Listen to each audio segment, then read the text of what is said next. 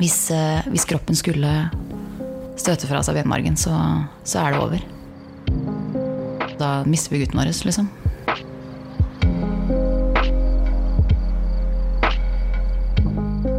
Jeg har tenkt mye på hva denne podkasten skal hete. Det må bli Marias planlagte mareritt. Jeg syns det var en veldig riktig og beskrivende tittel. Absolutt. Marias planlagte mareritt. Tenk deg det. Det er helt riktig, det. Det var sånn det var.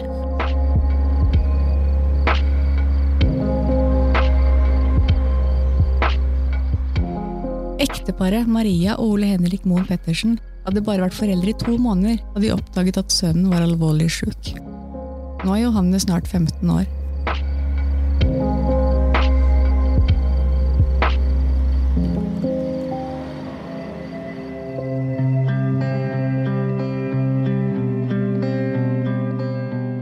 Jeg heter Randi Christoffersen og er journalist i Fredrikstad Blad. Første gang jeg traff Johannes og hans familie, var som mamma i barnehagen.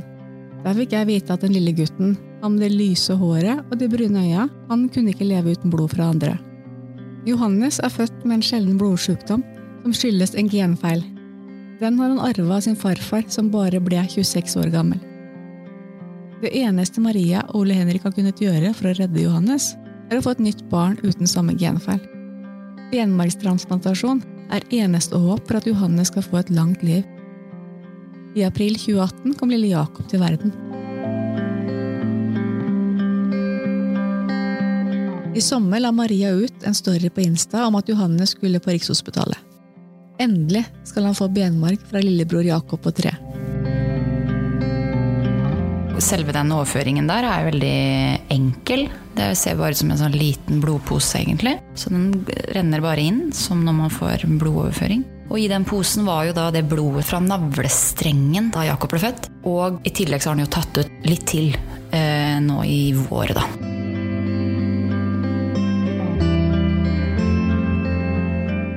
Det som er livsviktig nå, er at kroppen til Johannes tar imot den nye benmargen.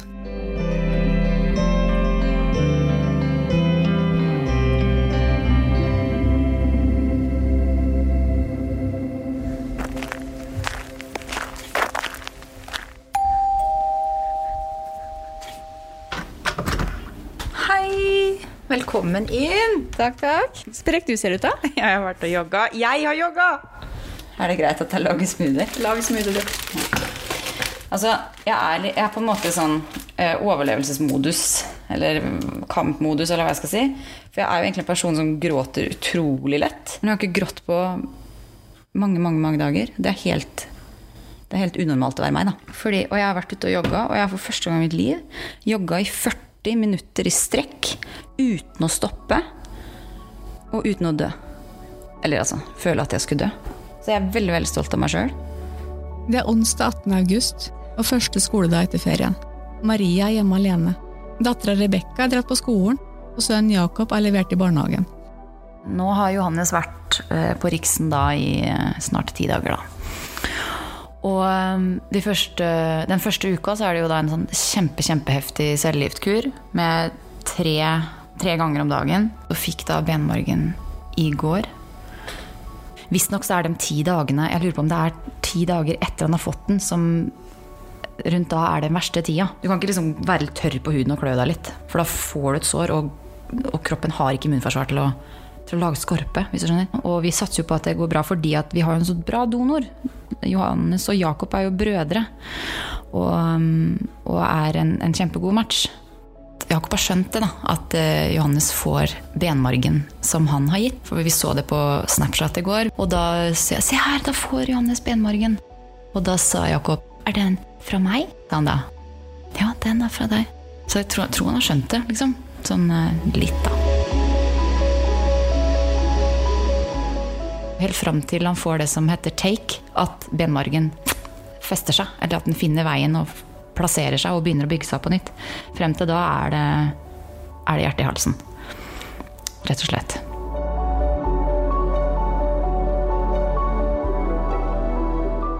Onsdag 25. august. Det er gått én uke siden jeg besøkte Maria sist. Nå har hun begynt å komme inn i rutinene i den nye hverdagen. Det går veldig, veldig opp og ned, men jeg, jeg må bare ta en dag av gangen. Nå må jeg liksom innstille meg på at nå er det et annet liv. Nå er det jeg som er alene med uh, ungene. Jeg må handle mat og jeg må lage matpakker. Ole Henrik er veldig flink med mat, nemlig. Men nå er det jeg som må gjøre det her. Og jeg kan ikke gi dem Big One og fiskepinner hver dag, liksom.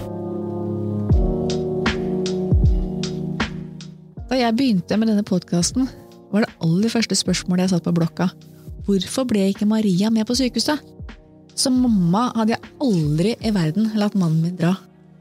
Ikke engang om det bare skulle vært en eh, blindtarmoperasjon. Jeg ville vært der selv, i tilfelle det skulle skje noe. Minstemann er veldig, veldig mamma-gutt. Og det vil nok, han takler det nok best at det er jeg som er hjemme, da, og ikke pappaen. Altså, jeg og Henrik prata jo om, eh, om, det, om hvem som skulle være hvor. På Riksen og hjemme, og hvordan vi skulle gjøre det. Og egentlig så var planen at vi skulle dele på, på det å være på Riksen. Men så fant vi ut, egentlig den dagen den ble lagt inn, dagen etter var det vel, vi fant ut det at eh, det vil ikke være gjennomførbart med mindre jeg er i ti dagers karantene med barna hjemme, for å så kunne dra inn og besøke ham på Riksen. Og det altså, vil ikke la seg gjennomføre, at vi bytter. Jeg vet ikke, det å være der inne og se en syk så mye Jeg vet ikke. Vi bare fant ut at det kanskje var best at det var han som gjorde det. Og det er, det er sikkert riktig, men jeg er mammaen, og jeg er utafor. Mens Maria prøver å få tankene over på andre ting, kjemper Johannes sin kamp på sjukehuset. Nå har Han jo, han skulle barbere resten av håret i dag. Han har mista håret. Ja, kunne bare dra det Altså, Jeg har grua meg sånn til det. Vi har fulgt en annen altså en, Han er profesjonell roer. Han var gjest på Lindmo, og som har gjort akkurat det samme, fått benmarg av broren sin. Og den bildene av han der han mista håret, har jeg aldri Og det, han kjenner jeg jo ikke engang, men det er ikke klart å se på de bildene uten å grine. For jeg har grua meg sånn til, eh, til det skal skje med Johannes. Det er jo det er som om jeg liksom har på meg en sånn drakt som gjør meg litt uh, sterkere. Så det blir Jeg er litt spent på åssen det er når jeg tar den av, hvis du skjønner.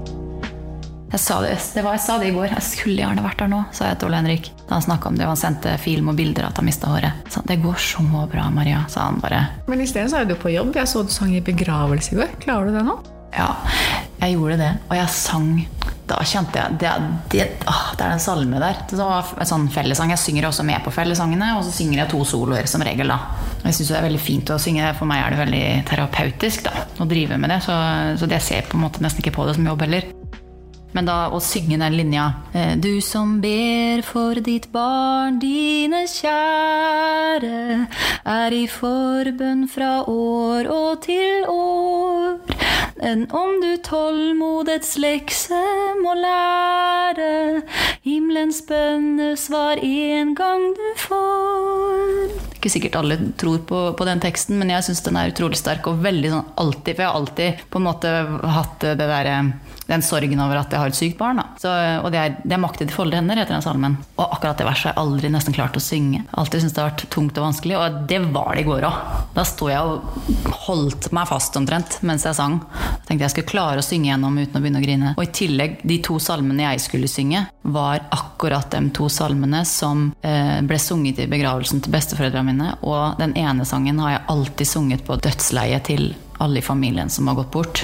Så akkurat den i går ble litt sterk, altså. Den nye benmargen til Johannes den har ennå ikke festa seg.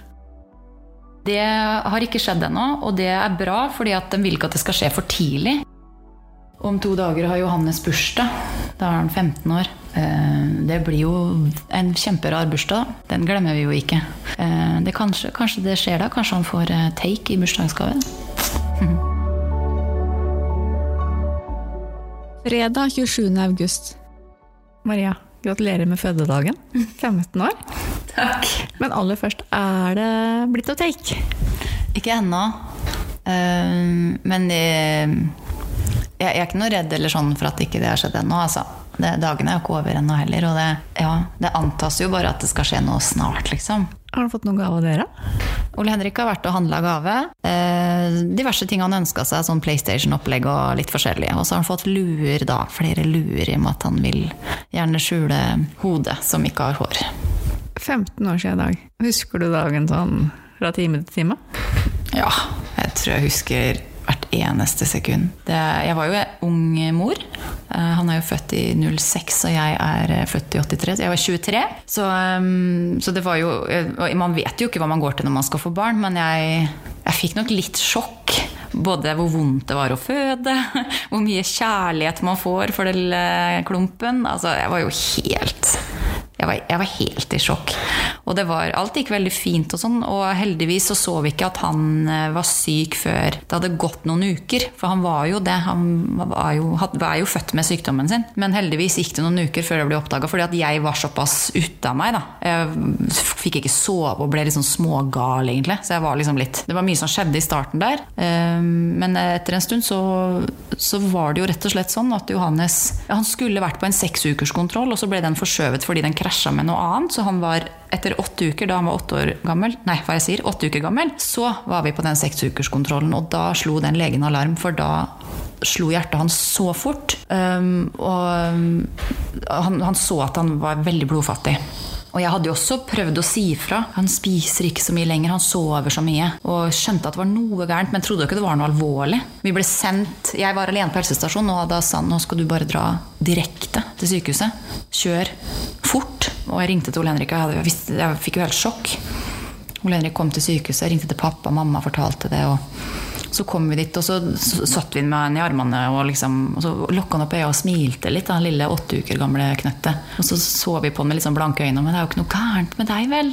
Og så uh, kom vi inn til legen, da han fått tatt blodprøver. Og så, Jeg har unnskyldt, jeg har tilgitt den legen, men han sto altså og ropte til meg 'Dere skulle vært her før! Ungen har jo ikke blod i kroppen!' Um, og jeg husker jeg sto og tenkte han han er bare redd, eller et eller annet. Um, og så fikk jeg en blodoverføring, og så så du liksom livet kom tilbake, og han fikk farge i ansiktet igjen. Og, og da kunne vi jo se veldig forskjell på før og etter, da, med bilder. Hvor uh, grå i huden han var. han var. Det var like før det ikke gikk mer. Da hadde han 3,3, tror jeg, i HB, i hemoglobin, uh, i blodet. Og det er ikke så vanlig å klare å komme ned så langt ned, med mindre man har mista masse blod i en ulykke. og pleier, Det pleier man ikke å overleve. Men så lenge det gikk så sakte, så, så gikk det jo bra men det var i grevens tid.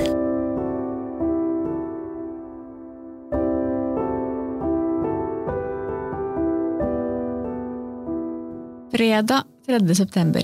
I går kveld var jeg på vei til Maria. Men da jeg hadde passert Huseby og golfbanen i Onsøy, ringte hun og avlyste. Hun orka ikke møte meg. I dag gjør vi et nytt forsøk. Jeg har det egentlig ganske fælt i dag òg. Eh, det virker som jeg har liksom gått opp for meg Jeg, liksom, jeg har sikkert trykka, undertrykka mye for å liksom bare komme gjennom det, og nå, nå, går det så dårlig med han. Han er kjempesjuk. Han er veldig lei seg. Tror han er liksom veldig Hva skal jeg si? Han er nesten litt sånn um, skuffa over at han er så dårlig, for han hadde liksom bestemt seg for at nei, jeg skal ikke være sjuk, jeg skal stå og trene karate på rommet. Han kan ikke, han kan ikke løfte armene engang. Så jeg tror han er redd for at han ikke kan trene igjen. Jeg tror han er liksom jeg tror, er, jeg tror, han har det vanskelig, og jeg bare, jeg bare har eh, knekt litt, føler jeg. Så nå bare griner jeg hele tida, og savnet gjør litt for vondt, egentlig. Jeg savner dem så veldig.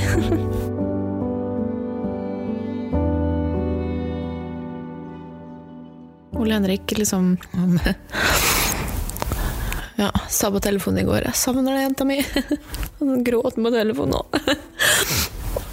Så da satt Rebekka ved siden av mens jeg liksom følte jeg var så liten, på en måte. Og satt jeg liksom bare Hadde sunket bare sammen på gulvet og bare savna kjæresten min, liksom. og sønnen min, da.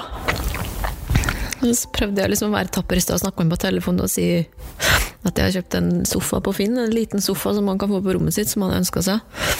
Og så sa jeg da kan vi se på de filmene som ingen av de andre vil se på, så kan vi se på film på rommet ditt. og jeg prøvde liksom å si det uten å grine og liksom skalv i stemmen og la på, og så bare hylgrinte jeg. Så Det er kanskje greit at du møter meg på en sånn her da òg, for det er liksom det som er Det er sånn det er. Det er ikke lett.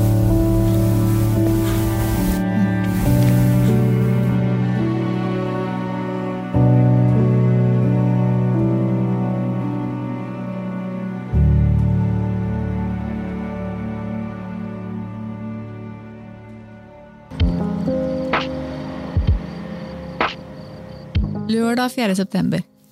I formiddag fikk jeg denne talemeldinga av Maria. Vet du hva som har skjedd nå? Hva? Nå er det sånn at uh, du, skal få, du skal få se på Peppa Gris. Nå har det blitt sånn at Johannes uh, har fått det som de kaller for take. Og det betyr Eller det er i hvert fall begynnende. Så nå har han fått sånn at, det? ja, at benmargen har funnet fram. Og det betyr at Er det bra? det er veldig bra. Ja. Ja, det er veldig, veldig bra. Så nå eh, går det riktig veien.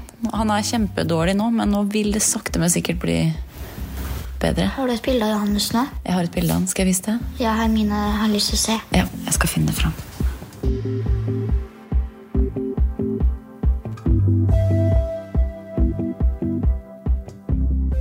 Torsdag 16. september.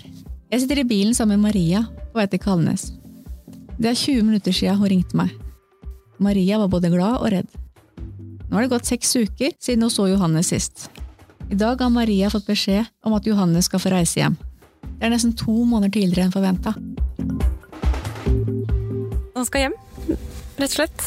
Jeg hadde tenkt å ha flagg og Eller, skjønner du? Jeg er helt litt sånn i sjokk, og jeg eh, Jeg er så glad, men også er jeg sånn litt sånn lamma skrekk, fordi at det betyr jo at altså, det er så mange Han kan jo bli smitta av ting, sant? og så skal han liksom hjem, og så føler jeg at det er ikke trygt nok for han hjemme. Jeg kjenner at jeg er litt sånn engstelig. Livredd? Ja, for jeg, nå må vi være så forsiktige, og jeg ser for meg at burde vi ikke helst vi andre nå vært i en karantene i forkant, og det har vi jo ikke vært. Jeg, sitter jo her med deg. Skjønner du? Hva, hvordan skal dere leve nå? Nei, nå har vi fått beskjed om at vi skal holde Jakob hjemme fra barnehagen i en treukersperiode. ukers. Og så, For der er det mest smitte, da, kontra barneskole. Rebekka skal få lov til å gå på skolen, og jeg også egentlig er litt sånn øh, Jeg syns også det er egentlig litt skummelt. Og så skal vi prøve å holde oss sånn som vi ville gjort ved en karantene, og vi vant med det begrepet. Han ble skrevet ut fra Riksen i går, og han øh, ble sendt til Kalnes i går. Og, og der har de konkludert med at han er ikke sjuk nok til å være på sjukehuset som skal få lov til å komme hjem. Vil du se en film fra Rikshospitalet? Det er det jeg vil, vet du. Ja. Her er det vi ser, er at Johannes har en stor koffert og en bamse. Han har med seg blodgiverbamsen sin, som han fikk da han var liten. Og så går han gjennom hele gangen eh, på barneavdelingen, og så står sykepleierne med norske flagg og ønsker han lykke til. Du kan du høre, kan høre.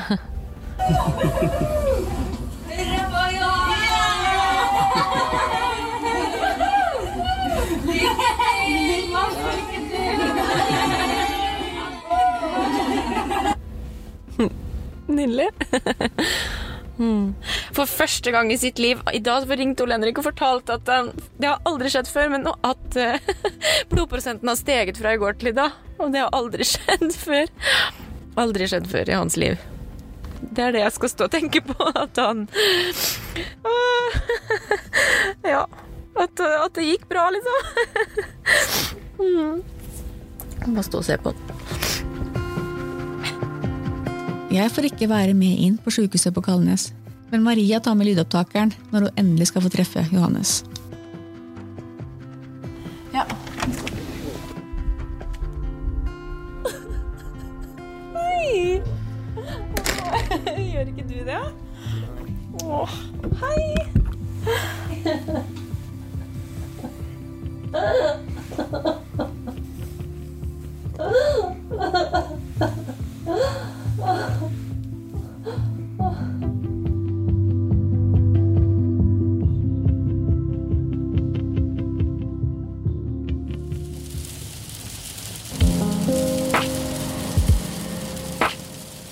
Torsdag 30. september. Hver gang jeg har møtt Maria fram til nå, har det vært strålende solskinn. I dag er det grått. Regnet treffer hardt på biltaket her jeg er tilbake utafor sykehuset på Kalnes. I forrige uke la Maria ut bilder av Johannes igjen. Da så vi den flotte, høye gutten uten hår stå i strandkanten et sted i Saltnes mens sola gikk ned. Alle vi som følger Maria på sosiale medier, vi ble litt glad vi, da vi så disse bildene. Det viser at eh, ja, det går framover. Nå skal jeg gå for å møte Maria. Siden mandag har Johannes vært innlagt på sykehuset. Han ligger slapp i ei sykehusseng. Her, vet du. Prøver å lokke opp vinduet uten at det går veldig bra. Du, de, dere har vaktskifte, dere. Vært her siden i går. Når var det jeg kom hit da, Johannes? Ja, litt sånn på lun rundt lunsjtider i går. Hva skjer da? Jeg tror nok det bare er en, et virus, for den finner ikke noe tegn til noe annet. Det er ikke noen infeksjoner eller bakterielt, eller sånn, men kaster opp og har feber. Men han er litt bedre i dag, så da Ja. Men Maria, hvor lenge skal det her vare nå? Hvor lenge kommer immunforsvaret til å være, være dårlig? Altså, han er ikke Det er ikke helt bra før i februar. Mm. Jeg griner jo så mye, vet du, som du vet, men uh, da snakka vi om uh, For da skal det være skoleball på skolen. Og det er sånn at han ja, sannsynligvis kan få lov til å dra dit, da. Og da satt vi rundt middagsbordet, og så sa jeg liksom Det er det første han kan gjøre! Og så bare Å, mamma! begynte jeg å grine. Vet du. Men da ser jeg for meg det ut at han skal pynte seg og gå på skoleball. Jeg kommer til å være helt ødelagt og grine meg halvt i hjel. Og så at han kan få begynne altså være med neste konfirmasjonsgruppe, så han kan konf konfirmere seg. Så han kan rekke å få vært med på en tur. Ja, alle de tinga der kommer til bare Jeg håper han også gleder seg til det, men jeg tror nesten jeg gleder meg mer, altså.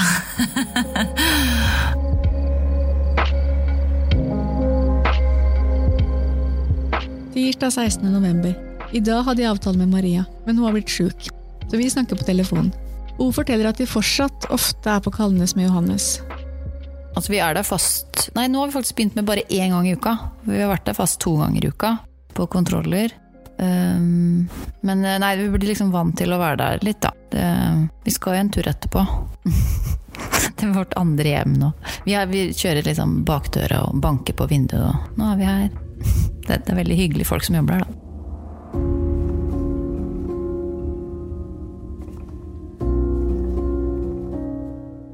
Torsdag 2. desember. Det er julekortstemning i Saltnes med nesten ti minus og snø. Da er det bare å ringe, å ringe på døra, da. Skal vi se. Herregud, her er det jo helt ferdig til jul, her. Halla. Hei! Endelig. Ja, det var jo hyggelig å se deg igjen, da. Ferdig pytta til jul, da. Eh, klart det. Nå er det jo desember. 2. desember. ja, jeg er veldig sånn jule... Sucker for Christmas. Ja. Nå sitter vi på kjøkkenet til Maria, og i stua, der sitter selveste Johannes. Sjefen. Sjøl. Fanga i et uh, fengsel her hjemme i seks måneder. Begynner å kjede seg litt. Men uh, formen er ganske bra, da. Det går bedre og bedre. Du var veldig redd da Johannes skulle komme hjem fordi at dere skulle smitte den. Hvordan har det gått? Det har gått greit, men uh, det har jo blitt litt småtteri, da. Det er jo ikke så lett å unngå. Vi jo, hadde han minste hjemme fra barnehagen i tre uker. Uh, men så måtte vi for alles ve og vel ha han tilbake i barnehagen for å liksom Ja, det, du kan sikkert forestille deg, det blir intenst. Men da var det fra skolen til Rebekka en, en, forkjølelse som ble tatt med hjem. Og Johannes ble lagt inn og var jo ganske dårlig. Selv om det er bare en liten forkjølelse, så ble jo han veldig, veldig dårlig da. Det har annet vært et sånt kyss Har jeg nevnt det? Men det kyssesyken-viruset. For det blussa opp, da. Og fordi at det er noe som han har hatt latent i kroppen etter han har fått en blodtransfusjon for kjempelenge siden. Og da har det ligget der et, Altså, det høres veldig spesielt ut. Men eh, det er jo derfor det er så strengt høyblod, da. Som jo er bra. Jeg har lyst til å spole tilbake i tid. Maria og jeg har stått på samme sidelinje og heia på gutta våre på Gressvik 07. Jeg husker at da gutta var sju–åtte år, så orka aldri Johannes å spille utpå, sånn rett før han skulle ha blodoverføring. Han måtte stå i mål. Han fikk jo blod en gang i måneden, så det var sikkert kanskje den uka før, da. På det meste så gikk det bare et par uker mellom. Uh, men stort sett så gikk det kanskje tre-fire uker. Og i starten, da han var helt baby, så gikk det jo åtte uker mellom. Så sånn, det var jo en sakte, men sikker Det gikk sakte, men sikkert feil vei, da, hvis du skjønner. Han fikk oftere og oftere blod. Og mer blod. I og med at han ble større. Så, og det som er helt fantastisk og utrolig deilig, er jo at han har ikke fått blod en eneste gang etter han fikk benmargstransplantasjon. Takket være benmargen som han har fått fra broren sin, så produserer han nytt blod helt sjøl. Og det fungerer akkurat som vi håpa på, da. I hele høst har Maria delt sine følelser på Instastory. Helt uten filter. Det er jo litt sånn terapi, da, ikke sant. Det å dele sånn. Men nå, nå er det ganske lite. Jeg lagde en sånn der jeg samla det opp, da. Det som jeg hadde delt om, om benmargstransplantasjonen og den reisa vi hadde. Og så la jeg det i sånt eh, type høydepunkt, vet du, sånn under på Ja, et eller annet. Man kaller det for et eller annet. Folk er veldig støttende og fulle av kjærlighet og omsorg og bryr seg på ekte, tror jeg. Så um, Så det er veldig hyggelig. Sånn som, sånn som nå, da, så er det jo nå er, As we speak, så er eh, min kjære datter akkurat våkna opp fra narkose og har operert bort en, eh, en lymfeknute som har drevet og vokst mens alt det her har skjedd. Og samtidig så har min far, kjære pappaen min, fått kreft akkurat på samme sted. Så han har starta behandling nå. Og han skal behandles med cellegift og stråling helt fram til året er omme. Men nå har det blitt så mye, så nå er det nesten sånn at jeg bare, jeg bare slutter det det blir for dumt at det skal være så mye på samme år. Er det mulig, liksom? Så nå har jeg bare bestemt meg for at 2022 skal bli året som vi kan få skinne og danse og juble litt, tenkte jeg.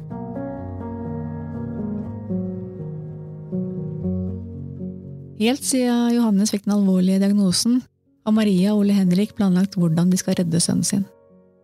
Legene sa at en, et alternativ, som er et godt alternativ, men allikevel har høy risiko, eh, det er en benmargstransplantasjon. Hva, hva, er det beste, hva kan vi gjøre, sa vi. Dere kan få et barn til, da. Med, med det vevsforlikelig benmarg, som det da heter. Og så da vi bestemte oss for det, så hadde vi på en måte ikke heller bestemt oss for at ja, vi skal gjennomføre benmargstransplantasjon. Men da har vi i hvert fall fått den ungen eh, som, så, som, som, da har mulighet til å hjelpe storebroren sin.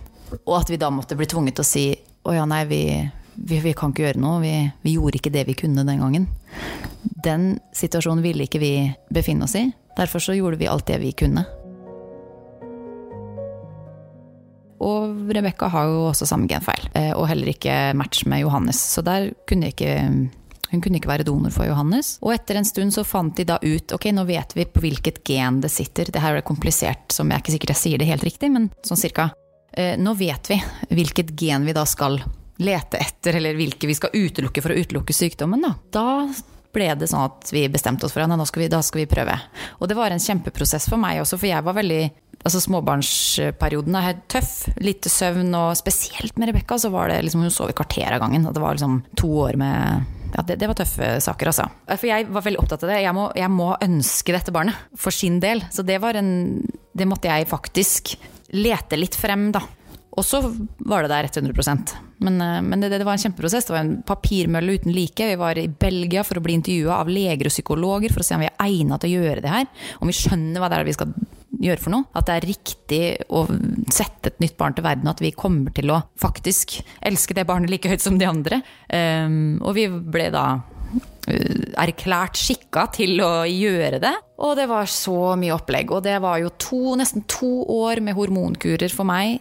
Det er PMS ganger ti. Du kan forestille deg. Det er supertøft. En enorm påkjenning. Fikk match én gang, satte inn egget. Vi var på ultralyd. Johannes var med. Det hadde havna utafor livmor. Vi måtte operere bort. Det, da vi endelig hadde funnet match. Det å våkne opp fra narkose og fjerne et embryo som jeg ønska så sterkt. Det, det, er det verste jeg har vært med på. Det er det vondeste jeg har vært med på. Det var tårer som var bare det brant, liksom. Det var forferdelig. Og så gikk det enda en god stund. Det her var januar eller jeg husker, Nei, vet du oktober var det kanskje? Det var i hvert fall, jeg tror, ja, Et år etterpå ble jeg gravid med Jakob. 24. april i 2018 blir Jakob født. Gutten som har reddet storebroren sin. Vi syns ikke at det er umoralsk eller uetisk å få et barn til på den måten vi har gjort. Vi ønsker å få Jakob til denne verden for Jakobs sin skyld fordi at vi elsker han for han sin del. Og, og, og vi, han er her, og vi vil ha han her. og ikke bare fordi han skal redde stormoren sin. Du sa det her i samme åndedrag som når du begynner å fortelle om planlegginga. Eh, betyr det at du er vant til å måtte forsvare det? Ja, litt. Fordi at jeg får ofte det spørsmålet er det mange som syns det er umoralsk. Og da tenker jeg ja, når du stiller det spørsmål, syns du det da, eller? Tenker jeg ofte. For det er jo tydeligvis Enten så syns de det, eller så tenker de at å, det syns sikkert noen. Så ja, jeg er nok litt vant til det, ja. Jeg er nok litt vant til det. Jeg kommer aldri til å vike fra det at jeg føler at vi har tatt det rette valget. En, en bror og en søster skal uh, kunne hjelpe søsknene sine uten at det blir uh, feil. Det var ingen risiko for Jakob å hjelpe broren sin. Det var en kjemperisiko for storebroren å ta imot den hjelpa. Så jeg føler vi har gjort Jeg føler at vi har gjort det riktige.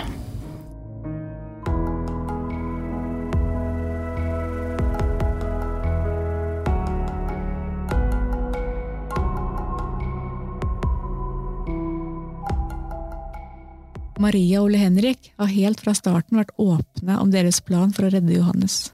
Mange har støtta dem, men ekteparet har også fått kritikk for valget de har tatt. Folk stiller så dumme spørsmål. Det er ikke akkurat sånn som vi har eller sånn, får spørsmål om ja, hva skal dere gjøre med den ungen da, når dere er ferdig med den? Hva, hva, hva vi skal gjøre med den? Gjøre med Jakob, ja. Ja, skal vi hive den da, eller? Liksom. Vi, vi, bruker den ikke som en delebil. Jeg sier det litt stygt og flåste, for at hallo! Han er et menneske! Vår sønn, som vi elsker av hele vårt hjerte. Jeg er mora hans. Han er ungen min. Og som tilfeldig også hjelper storebroren sin. Én kommentar, det har ikke du hørt før, Johannes, og hvis du hører meg nå, så, så får du høre akkurat det her. Han sitter og følger ikke med. Han følger sikkert med likevel. Det var etter vi delte det Vi hadde jo kjempedårlig magefølelse, egentlig, på å dele den historien. Men vi gjorde det fordi vi ville hjelpe andre. Det her åpner opp for den type behandling som redder liv. Så vi, vi heier jo på det. Og det har hjulpet oss. Eh, jeg vet ikke om du husker Mehmet-saken. Jeg tror det var i 2006, det året Johannes ble født, eller 2005, jeg er helt usikker. Men det åpna opp dører for oss. Derfor så vil vi dele det her. Og da kom det en kommentar på eh, Jeg husker ikke om det var på TV 2 eller faktisk var på Fredrikstad Blad. Det var et kommentarfelt i hvert fall. Og da var det en dame som skrev noe, jeg husker ikke ordrett hva, hva det sto, men hun skrev at man ikke burde tukle med, med naturen på den måten her. Og at det sannsynligvis da ikke var meningen at denne gutten skulle leve. Og da kjente jeg at jeg bare Det kan ikke være mulig at noen kan være så slemme. Hun kan, ikke, hun kan jo ikke mene det her. Hun bodde rett der borte i Rådet. Jeg gikk på Facebooken hennes. Litt eldre enn meg. Så ut som en vanlig dame. Jeg syns det, det, er veldig spesielt. Jeg hadde lyst til å bare dra hjem til henne og så ringe på så be henne si det til meg. Face to face. Jeg gjorde aldri det, altså. For det tror jeg ikke er løsningen. Tenker, så det jeg endte opp med, og jeg måtte bare tenke Tilgi dem. De vet ikke hva de gjør. Og det er det jeg bare Når det kommer til sånne ting som det her, det her er kjempepersonlig for oss. Det er privat. Det er dødssårt. Det er å brette ut Altså, det er kjempevondt. Vi har sjøl valgt å dele det, og den fleste skjønner eh, at vi har gjort som vi har gjort, og syns at det er rett valg. Og hvis det er noen få som ikke helt skjønner det, så har de bare ikke vært i våre sko. For det har de jo ikke.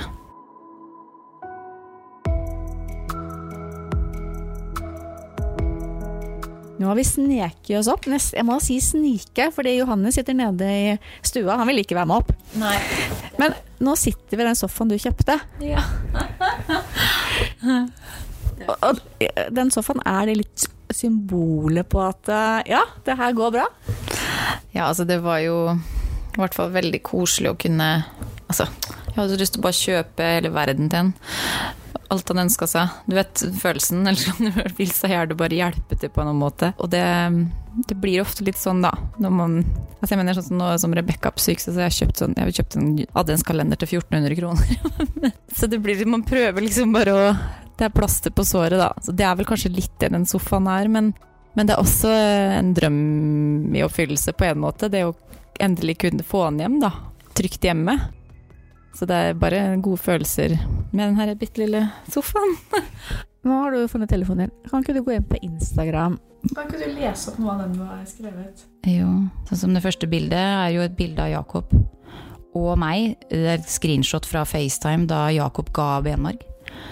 FaceTime med den tapre gutten min. Kommer hjem igjen i morgen. Husker jeg var hjertet bare Og det var så grusomt den dagen han skulle hjem, for da venta han egentlig bare på å komme hjem. Og legene skulle bare inn og se på han. Og jeg husker jeg gråt hjemme. Kan dere ikke bare komme hjem, da?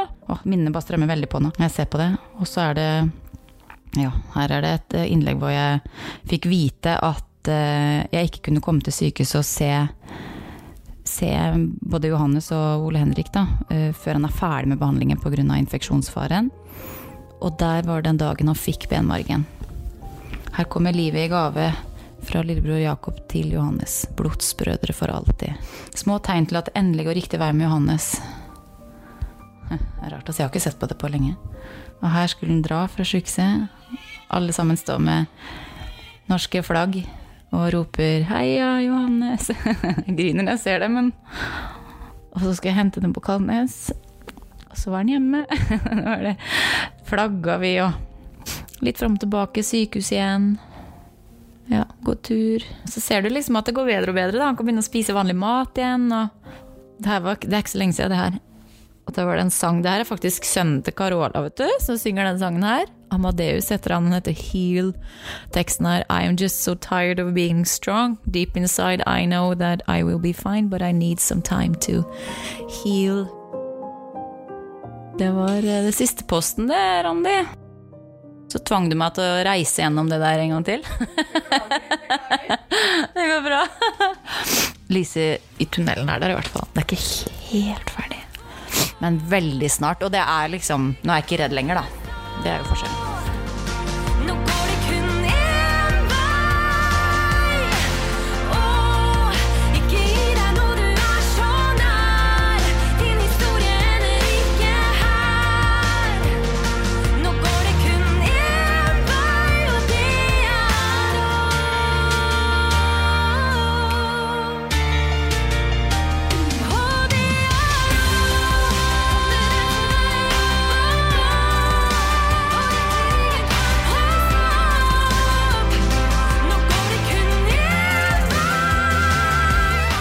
Du har nå hørt podkasten Marias planlagte mareritt, laget av meg, Randi Christoffersen, og produsent Erik Øysæd.